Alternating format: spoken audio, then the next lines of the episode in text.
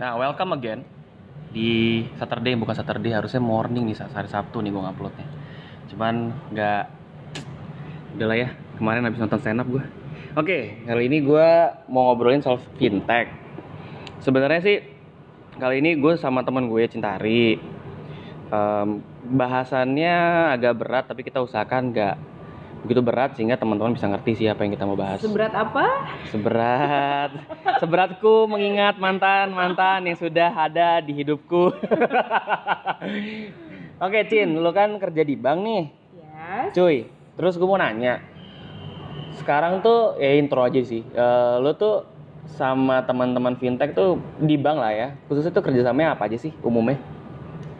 Well, actually eh, kerjasama kita cukup luas sih kalau ngomongin sama fintech. Hmm. Karena kan sekarang kalau misalnya kita tarik lagi ke yang lebih besar, fintech itu sebenarnya apa sih gitu kan? Hmm. Fintech is actually financial institutions, tapi mereka mengedepankan eh, teknologi sebagai dan platform mereka itu untuk mempermudah semua transaksi yang berhubungan dengan financial service, ya, transaksi-transaksi finansial. Mm-mm. Eh, kalau sekarang ngomongin fintech pasti orang-orang langsung kayak kepikirannya oh itu tuh yang buat uh, P2P peer to peer lending padahal sebenarnya enggak fintech itu banyak banget gitu kan Mm. fintech itu ada payment gateway kayak Betul. yang kalau misalnya kita transaksi di e-commerce mana tuh gitu kan langsung di direct ke um, page-nya dia nah Ya. itu ada payment gateway kemudian ada crowdfunding yang suka misalnya eh kumpulin dong dana buat Hmm. nyumbang ke mana nah itu juga fintech kemudian ada juga market provisioning yang kalau misalnya lo mau banding-bandingin produk-produk dari asuransi apa gitu kan atau misalnya produk eh, loan dari mana gitu kan. Nah itu juga termasuk ke dalam fintech. Cuma mungkin yang paling kedengeran sekarang yang paling jadi sorotan adalah yang peer to peer lending itu. Gitu. Oke. Dan kalau ngomongin em, hubungannya apa sama bank eh, anyway eh, sekarang transaksi apa pun kayaknya harus selalu lewat bank. Karena mau bagaimanapun juga kan kayak lo isi saldo sesuatu aja kan pasti duitnya dari rekening lo kan. Jadi Mm. kalau dari bank sih kerjasamanya meliputi rekening penampungan kemudian rekening disbursement juga eh, terus ada lagi sih sebetulnya kalau untuk yang sama peer to peer lending ini eh, bank bekerja sama sebagai eh, lender dari segi institutions Mm-mm. secara umum seperti itu sih sebetulnya kerjasama yang kita bangun Oke, jadi kalau gue boleh lebih detail lagi, lo biasanya bank itu lo kerja sama sama P2P deh khususnya. Itu tentang apa aja sih biasanya? kerjasama sama P2P secara umum kita kerjasama untuk penyediaan rekening penampungan atau rekening Hmm. disbursement Mm-mm. uh, collectionnya juga lewat situ Mm-mm. uh, dan kita juga kerjasama sebagai lender dari segi uh, financial institutions jadi kalau misalnya kalian di sini sebagai lender yang mungkin bisa retail nah gini kita di belakangnya adalah bank gitu. Oke, berarti bank itu ikutan sebagai Lender. eh, lender. Kan kalau di P2P kan lo lender itu sebenarnya kayak ya crowdfunding aja gitu, banyakkan lender sampai dananya kuotanya itu nyampe baru bisa dipinjemin. Berarti bank tuh masuk ke satu itu juga. iya Berarti andai kata contoh pinjamannya satu miliar terus eh, biasanya kan 30 hari mesti nyampe tuh di perjanjian fintech tuh. Mhm. Terus kalau misalkan belum nyampe satu miliar, bank yang nge-cover.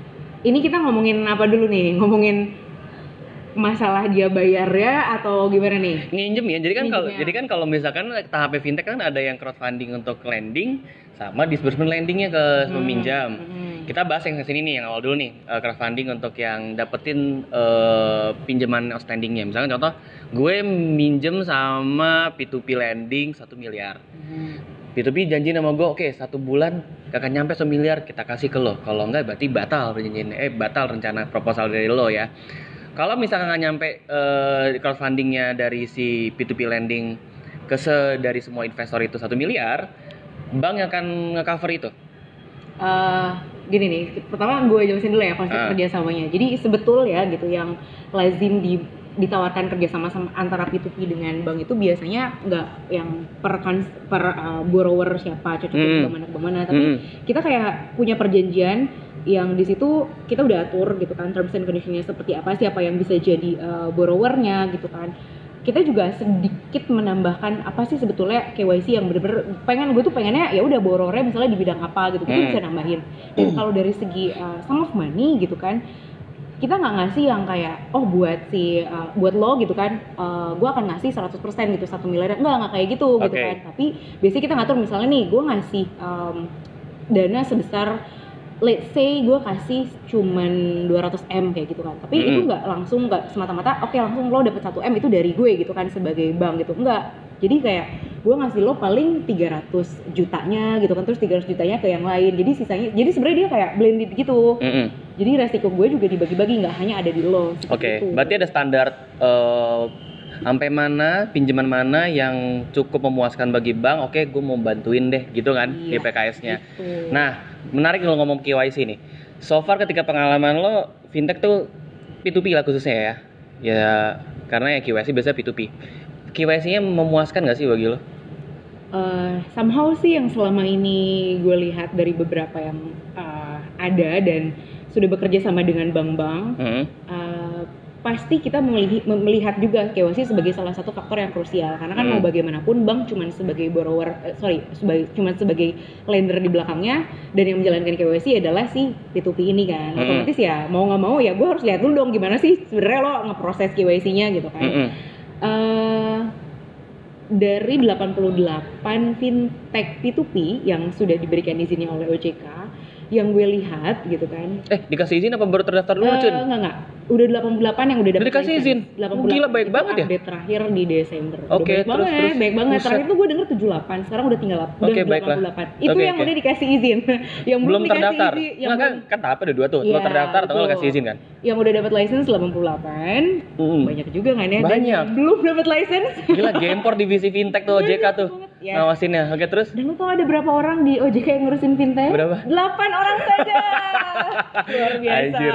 Oke, lanjut terus terus terus. Ya, eh, anyway, yang gue lihat itu nggak semua punya sistem KYC yang eh, mirip-mirip bank lah gitu kan. Ada yang memang mereka mengandalkan KYC sama banget kayak bank. Misalnya mereka udah eh, udah submit dokumen-dokumen dokumen, kemudian mereka at least wawancara via telepon atau ada juga yang sampai ketemu langsung gitu kan. Mm. Tapi ada juga P2P yang kayak ya udah once lo submit, kemudian mereka lakukan background checking, bahkan mereka yang nggak punya akses ke bank itu gue nggak tahu gimana cara mereka ngelihat slick OJK-nya gitu kan. Mm. Itu kan sesuatu yang biasanya bank lakukan gitu kan. Dan buat Mm. yang udah kerja sama sama bank, mereka bisa kerja sama untuk ngeliatin gimana sih sebetulnya dia debitur yang baik apa enggak. Nah, yang beberapa yang enggak ini nih gue nggak tahu gitu kan.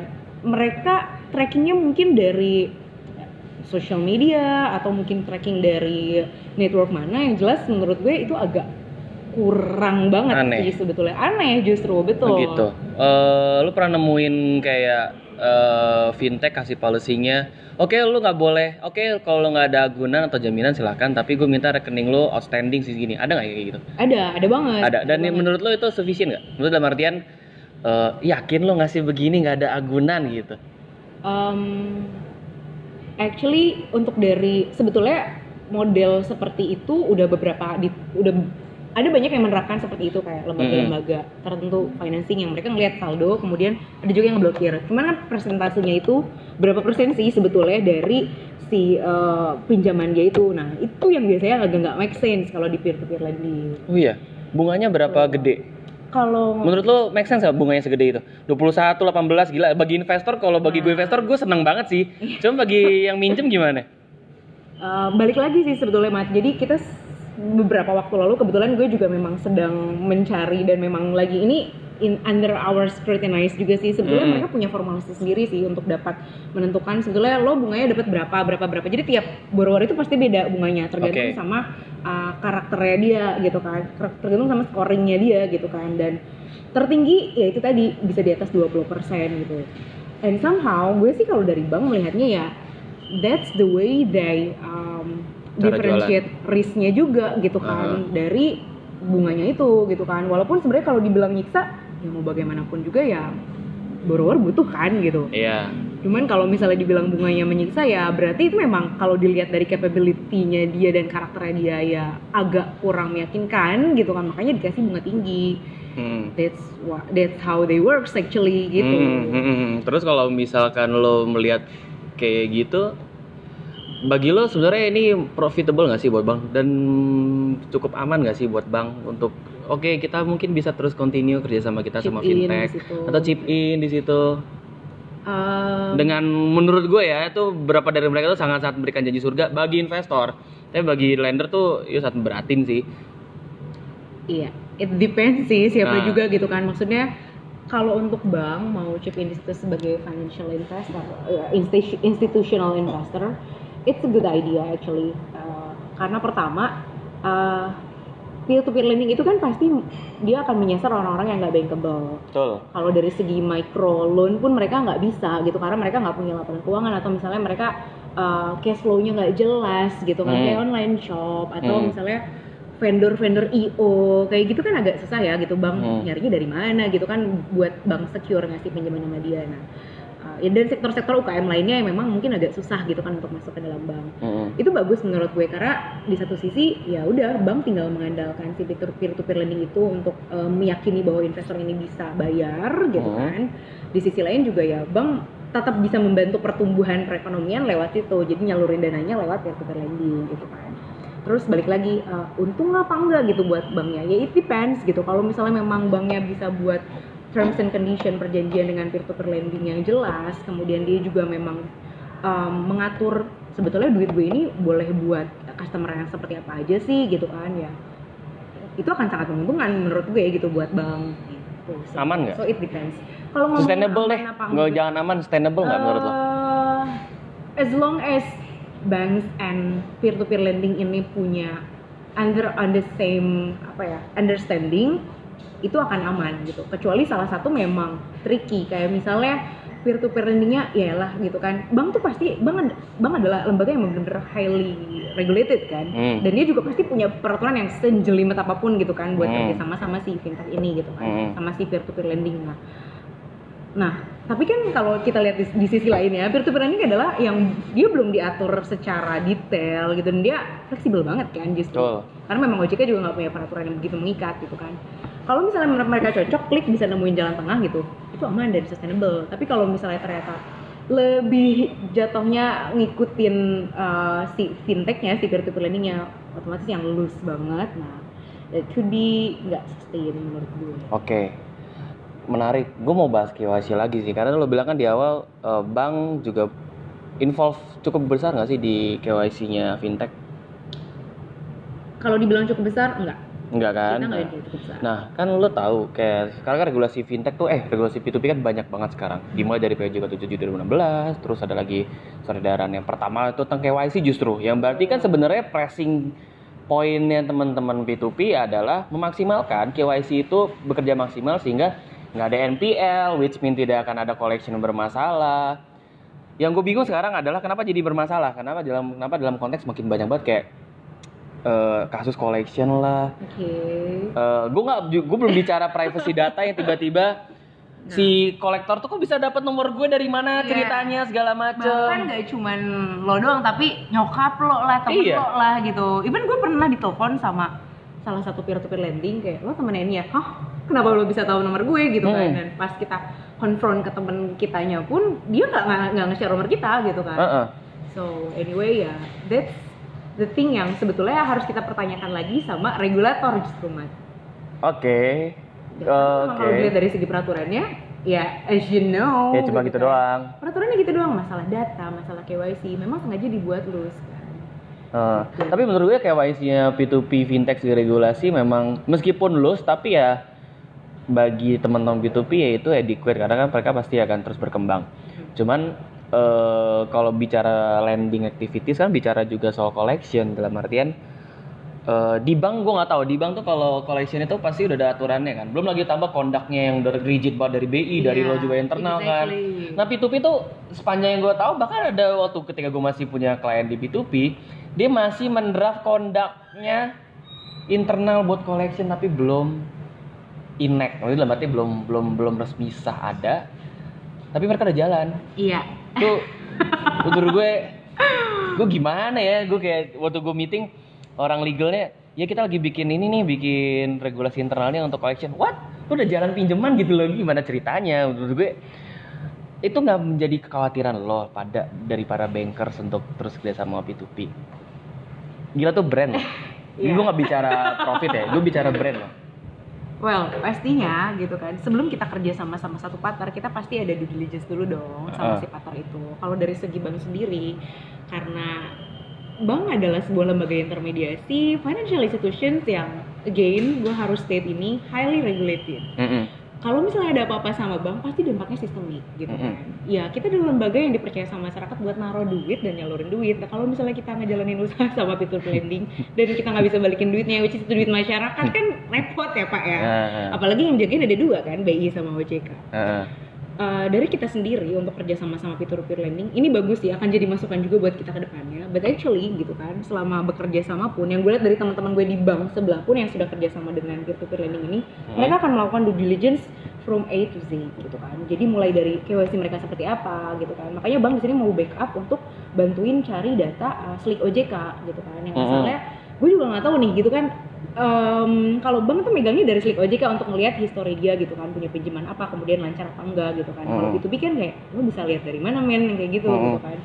Kayak dari segi KYC kita bantu dari segitu dari dari situ gitu kan. Terus abis itu kita nggak cuma lihat dari situnya kan bagaimana disbursementnya dia kemudian bagaimana dia securing the payment gitu kan the payment from the borrower gitu kan.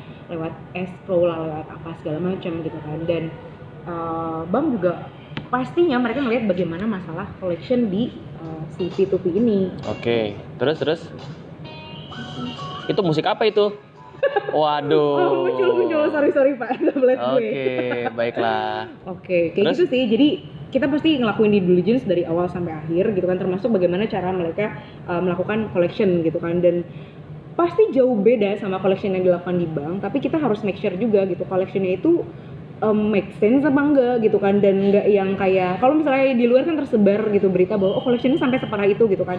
Bank nggak akan kerjasama sama yang uh, melakukan collection seperti itu. Karena kita juga punya code of conduct sendiri yang harus kita cocokin. Nah lo tuh sendiri sebenarnya kayak gimana gitu? Kita nggak mengatur mereka harus seperti apa tapi kita melihat cocok nggak nih collectionnya apa jangan sampai gitu kan collection yang mereka nanti bermasalah ujung-ujungnya kita sebagai lender Hmm. juga nanti ke bawah-bawah kayak gitu. Hmm, tapi so far lo ketika kerja sama sama teman-teman P2P, eh, pas lo cek collectionnya udah oke. kalau Yang sekarang lo institusi tempat gue bekerja sih actually nggak terlalu banyak bekerja sama. Ada tapi masih oke. Dan ini pun adalah lembaga peer to peer lending yang apa ya pionir lah dulu yang Hmm. udah paham banget lah seperti apa skemanya. Udah well established actually. Tapi ada juga tuh satu uh, gue lupa masih kerja sama apa enggak si bank ini. Ya dia sempat kerja sama sama peer to peer lending yang baru dikabarkan punya collection system yang agak kacau gitu. Hmm. cuma gue nggak tahu masih dijalanin apa enggak. Yang jelas ya it's something that we have to uh, put attention gitu gak sih Iya iya pasti Iya itu kan? karena kayak kalau misalkan lo nggak collection lo juga nggak bener, terus juga reputasinya juga turun, siapa yang mau minjem tempat lo? Ya lo juga yang rugi cuy. iya Iya gimana kan? Pak? nanti Iya. nggak dapet cuan kita Nah ini gue menarik bahas dari segi regulasi ya karena so far kan OJK yang kayaknya care banget sama P2P, fintech secara khususnya. BI itu sampai so far yang gue tahu sampai sekarang atau kalau correct me if I'm wrong ya, dia masih regulasi tentang payment gateway untuk fintechnya. Menurut lo perlu juga nggak sih BI juga ngatur P2P? Atau sebenarnya enggak lah, kayaknya ya udahlah OJK aja. Uh, in my opinion no karena apa sebetulnya uh, waktu gue ngobrol sama teman-teman OJK pun ini kayak udah jadi pembagian tugasnya sendiri memang jadi Mm-mm. well ada BI dan OJ, ada OJK pun memang itu kita tarik ke awal deh gitu kan ngapain sih ada OJK gitu kan Mm-mm. mungkin ada BI lagi gitu kan Betul. karena memang mereka di awal waktu mereka setup sendiri tahun 2011 kemarin OJK OJK is actually memang udah direncanakan dari lama setahu gue 2000 something early Mm-mm. early 2000 lah ya Mm-mm. tapi baru establish 2011 kemarin dan memang tugasnya adalah untuk mengambil alih sebagian besar tugasnya BI. So BI di sini hanya bertugas di kalau untuk masalah fintech gitu kan BI memang hanya bertugas dapat tugas untuk mengawasi yang bagian uh, kelancaran pembayaran which is hanya payment gateway, Hmm. kemudian electronic money. Mm-mm. Jadi uh, there is nothing to do with peer to peer lending. Oke, dari BI. berarti udah cocok lah ya OJK. Nah, terus kan salah satu ciri khas dari teman P2P adalah sandbox regulation. Bagi yang belum tahu sandbox reg- regulation tuh dia kayak apa ya jelasin jelasinnya jadi kayak lo tuh dikasih kewenangan bikin satu eh, peraturan atau eh, SOP lah istilahnya gitulah terus lo dicek eh, untuk diterapin berapa lama terus evalua- evaluasi kalau misalkan berhasil jalan terus kalau enggak ganti lagi Iya. Nah, menurut lo tuh loosen up atau justru eh mendingan bikin yang baku deh daripada bikin sandbox? Uh, menarik nih kita ngomongin regulation, Ah. regulatory sandbox. It's good. Ngomongin idenya sebetulnya menurut gue oke banget gitu kan. Hmm. Regulatory sandbox is actually like an innovation hub kalau di luar tuh yang kayak Iya memang iya iya iya. lo lo di situ deh selama enam bulan lo bikin SOP lo bikin apa gitu kan baru kemudian nanti lo panel sama uh, pejabat-pejabat di OJK itulah gitu kan untuk melihat bahwa lo tuh sebenarnya bisa well established sih, bisa jalan dengan Mm-mm. bener apa enggak kalau enggak ya balik lagi gitu kan dari segi ide itu tadi gue sepakat sih sebetulnya sama ide ini gitu kan tapi kalau dari segi eksekusi as we know regulatory sandbox kita tuh baru jalan tahun kemarin Mm-mm.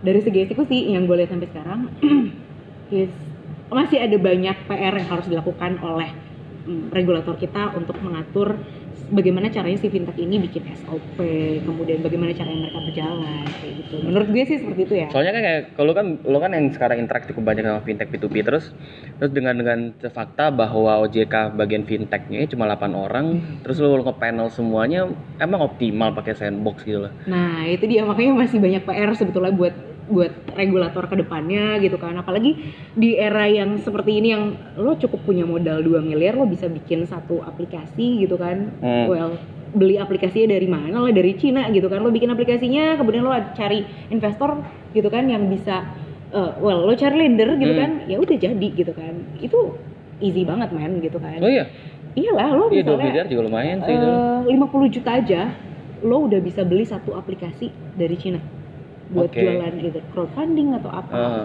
ya udah terus habis itu lo tinggal set up platformnya kemudian lo promosi kemudian lo cari orang gitu kan buat ngurusin KYC kemudian Hmm. buat ngurusin disbursementnya kerja sama sama bank buka account easy man gitu Iya iya. iya. segampang itu jadi ya PR banget sih buat kita orang bisa gampang banget bikin peer to peer lending gitu dan langsung jalan gitu aja tapi untuk masuk regulatory sandbox sendiri sampai sekarang masih ngantri Masih ngantri. masih ngantri Set isi 8 orang. iya Oke, nah sekarang gue bicara, gue mau agak jauh dari regulatory. Gue mau bicara dari nature-nya, nature-nya P2P lending sebagai startup, Cin. oke Oke. ini kayaknya lo harus yang banyak cerita malah lo nih Oh gitu ya.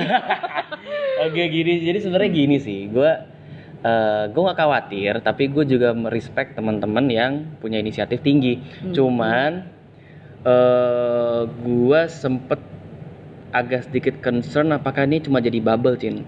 Ngerti gak lo? Bubble tuh maksudnya Hmm. konsepnya bahwa wah ini lagi ngetren tiba-tiba Iya. down, deng. Itu kan Iya. bukan hal yang justru nggak sustain gitu nggak sustain gitu loh makanya di awal gue nanya bagi lo bang kerja sama fintech sustainable nggak sih justru gue agak bingung untuk menjustifikasi sustainable atau enggak karena nature startup tuh eh, unorganized Mhm. kerja cepat oke tapi kerja bener masih bisa kita pertanyakan masih kita kita kritisin lo sebagai bank yang udah highly regulated yang pasti pengalaman udah segudang udah puluhan tahun ya Bang Bang pasti udah puluhan lah nggak Iya. ya nggak mungkin lah gila modalnya aja mesti gede bikin bank menurut lo once ketika makin gue yakin makan makan makin intens kerja sama bank sama peer to peer karena mau nggak mau bank mesti mengimbres peer to peer Hmm. mengimbres fintech lah secara secara umum. Kalau misalkan ini jadi bubble, lo nggak takut apa sebagai bank gitu tiba-tiba kayak anjir ada duit gue di situ, gue lagi landing nih gimana ceritanya gitu? Gimana menurut lo? Eh, Nggak bukannya itu nggak nggak akan akan nggak akan menjadi sistemik juga tuh? Iya, gue sepakat sih kalau misalnya memang ujungnya ke situ. Tapi balik lagi, namanya bank itu adalah lembaga yang highly regulated gitu. Hmm.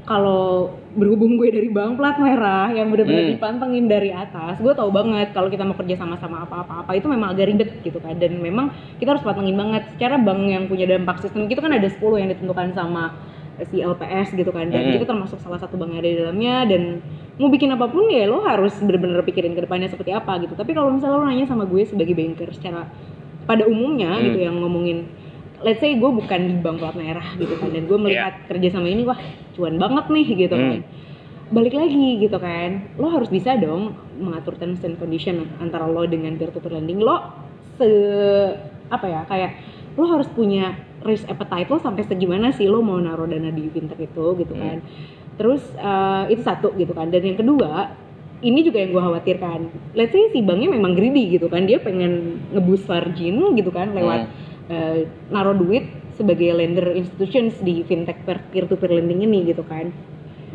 Masalahnya adalah sampai sekarang gitu kan dari regulator sendiri mereka tidak menentukan guidelines bagaimana highly regulated financial institution untuk bekerja sama dengan peer to peer ini gitu. Jadi dari segi guidelines nggak ada. So if you if you say uh, it will be bubble in the future it's possible man gitu kan. Possible Iya. banget menurut gue gitu kalau misalnya banknya uh, mereka ya punya resep petet yang memang menurut gue agak berbeda dengan bank-bank plat merah. Mereka berani kayak gitu gitu kan. Dan peer to peer lending ini sendiri nggak disorotin banget. It's possible gitu Iya kan. Kan? very possible gitu. Heeh, karena kan karena gini sih kayak pemerintah tuh gue menurut gue ya ini kritik gue pemerintah regulatori lah ya. Itu kayak mereka bingung menempatkan teman-teman P2P atau fintech itu kayak gimana. Karena gini gue ingat banget 2016 salah satu klien gue adalah peer to peer fintech. Terus dia bilang gini kita bukan financial institution kita tuh perantara yang pertemukan antara peminjam dan yang mau minjam ya sama aja kayak lo bicara dengan eh, marketplace yang mempertemukan penjual dan pembeli. Penafsiran mereka selalu begitu gitu loh. Eh yang ojol-ojol sekarang juga yang punya itu juga apa kilahnya juga kayak gitu gitu loh. Dan ketika OJK bikin regulasi lo nggak bisa begini lo adalah financial institution menurut gue deep down pun P2P juga gugup karena dia harus ngikutin standar yang tinggi sementara mereka tahu mereka kejar target sama investor cin Mhm. mesti harus naik series mesti nyampe 30 juta kalau nggak nyampe 30 juta lu gua gua likuidasi kalau nggak cabut mereka itulah kenapa gue bilang jadi bubble tuh bisa bisa, Bisa banget It's iya kan. Uh, gue sepakat sih sama lo kalau masalah ini gitu kan. Cuman balik lagi gitu kan. I agree kalau pas mereka bilang kita adalah intermediate. Mereka memang cuma lembaga intermediasi bener gitu Iya. kan. Mereka nyari duit, kemudian mereka salurin. Mereka nggak ngapa-ngapain. Mereka cuma kayak bantu KYC, bantu disbursement, kemudian bantu kalkulasi. kalau perusahaan gitu biaya, kan. biaya- perusahaan yang biasa kan emang dia yang minjemin Iya, nah ini kan dia cuma betul. pertemuin Betul, duitnya bukan dari dia, dia Iya. punya duit actually gitu kan. iya kan gitu tapi balik lagi sih eh, lama-lama pengertian financial institution sendiri itu akan meluas gitu karena actually dia technology platform tapi dia melayani financial services kan gitu. Ntar lagi arisan di, dibilang financial bener lama-lama kayak gitu pak. Apalagi lembaga-lembaga yang arisan yang sudah di fintechkan itu juga wah itu menarik banget tuh kalau misalnya mau dibahas ya sebenarnya gue agak mau lari dari P2P soalnya kita, kita sebelum ngob sebelum rekaman ngobrolin soal crowdfunding kan. Gue Yes, juga gue juga kepikiran sih karena tiba-tiba lo pop itu gue barusan baru baca tentang crowdfunding jadi Nah, eh, unik bagi gue. Lo udah baca peraturannya belum sekilas gue baru baca tapi kalau pas dibaca pun cukup jelas cukup Menarik ya? jelas ya, kan Menarik Tahu sendiri peraturannya sangat umum gue kayak menganggap tuh kayak pasar modal tapi dibikin mini gitu gak sih Iya. betul betul betul emang bener banget pemumpamaannya memang seperti pasar modal tapi it's a miniature of pasar modal yang menggunakan technological platform ya kan? Hmm, tapi sebenarnya usaha itu udah established 2014 sih. Jadi kayak gue tahu banget ada aplikasi itu pertama kali crowdfunding untuk bikin usaha dan yang min ya apa ya kayak misalnya yang kerjasama untuk itu adalah bukan perusahaan CEC, dia tuh perusahaan gede, ya perusahaan supermarket deh. Tapi gede Wow. banget sumpah. tapi lewat crowdfunding ya Crowdfunding itu, Wow. crowdfunding cuma buat bikin di lokasi ini gitu loh. Beneran. bikin apa kita Nah, lu baca aturannya itu agak unik karena eh yang maksimal kan 2 miliar di Iya, crowdfunding. maksimal 2 Maksimal 2 miliar. Tapi dia nggak bilang single transaction atau double transaction kan?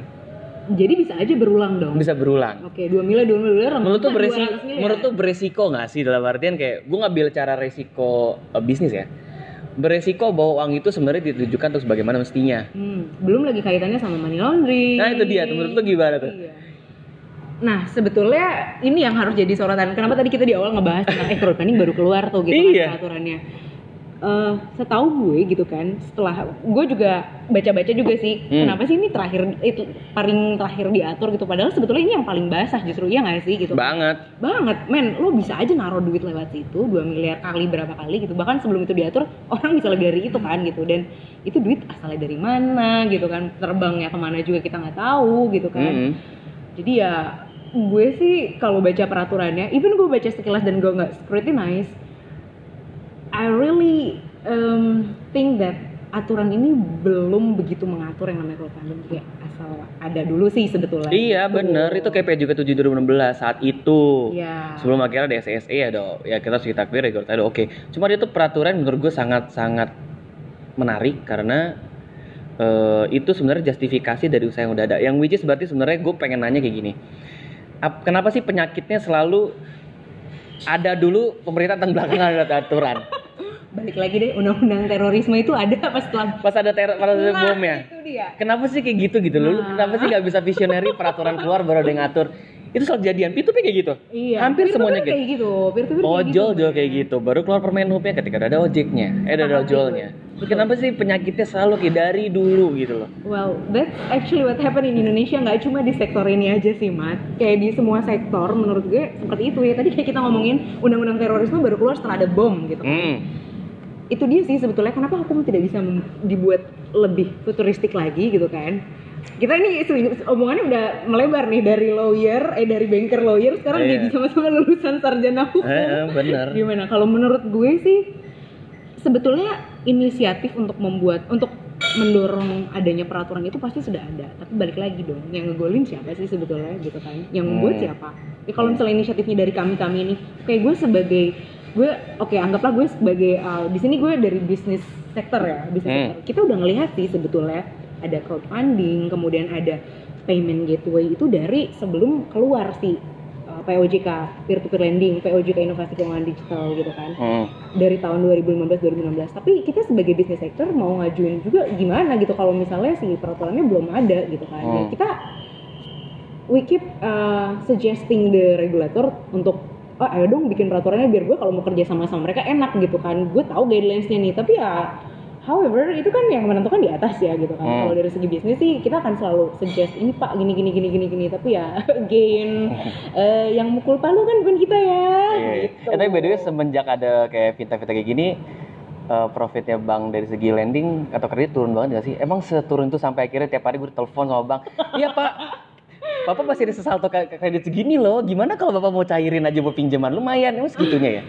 Turun segede separah itu. Um, enggak sih not not really not, not literally turun turun yang segitu gedenya gara-gara ada peer to peer lending Hmm. ini ya justru mungkin kalau dari segi mikro gitu kan ada penurunan tapi memang tidak sesignifikan itu karena bagaimanapun juga orang masih akan lebih memilih bank nowadays gitu. Gua nggak tahu nih ke depannya dengan adanya penetrasi smartphone yang lo bisa download terus download apa aplikasi buat minjem semudah itu Hmm. gitu kan. Turun sih gitu kan tapi nggak se- belum sebanyak itu juga. Walaupun ada juga tapi bank-bank lain yang memang sampai menutup bagian-bagian mikronya karena ya mereka mungkin udah merasa bahwa itu udah nggak futuristik lagi buat mereka. Iya. kayak gitu.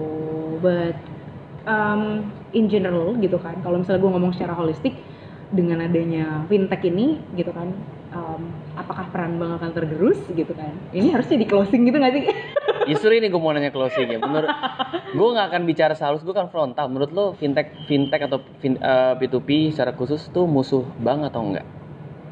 gue sebagai banker menjawab no Enggak.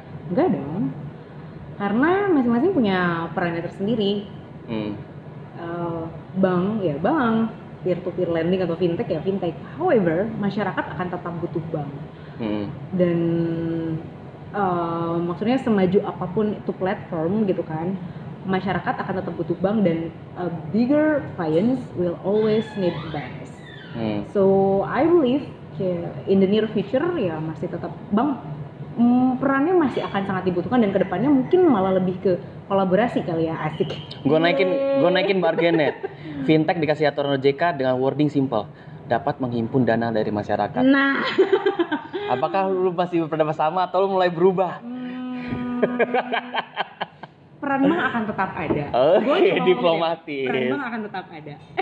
Oke, di mana perannya itu? Nah, kerja di mana mas? Kalau nggak, peran bank akan tetap ada. Gue sih percaya peran bank akan tetap ada, tapi tidak menutup kemungkinan bahwa nanti um, market share-nya akan tergerus gitu kan. Kayak sekarang aja kan ya tuh yang sama si apa tuh yang kalau misalnya ngisi ngisi ngisi ngisi ngisi duit di situ Hmm. kemudian nanti kita bisa tengah lewat situ banyak diskonnya itu platform ride hail ride itu tuh itu tuh Dan sebenarnya musuh bank tuh nggak cuma fintech sekarang, fintech dong loh, Cin. Kayak marketplace sekarang ngerambah ke situ loh. Lu nggak nggak takut takut banget apa? enggak sih kita kita tetap optimis Lu tahu kan ya ada ah, bisa ada transaksi emas di situ, bisa kok ada yang landing di situ, kok balik bisa ada lagi yang- gitu kan mereka sustain apa enggak gitu I see. Sebenarnya lebih target ngejar ini sih uh, total investor kali ya. iya Oke deh, itu aja. Thank you ya Cin ya waktunya. Bye bye. bye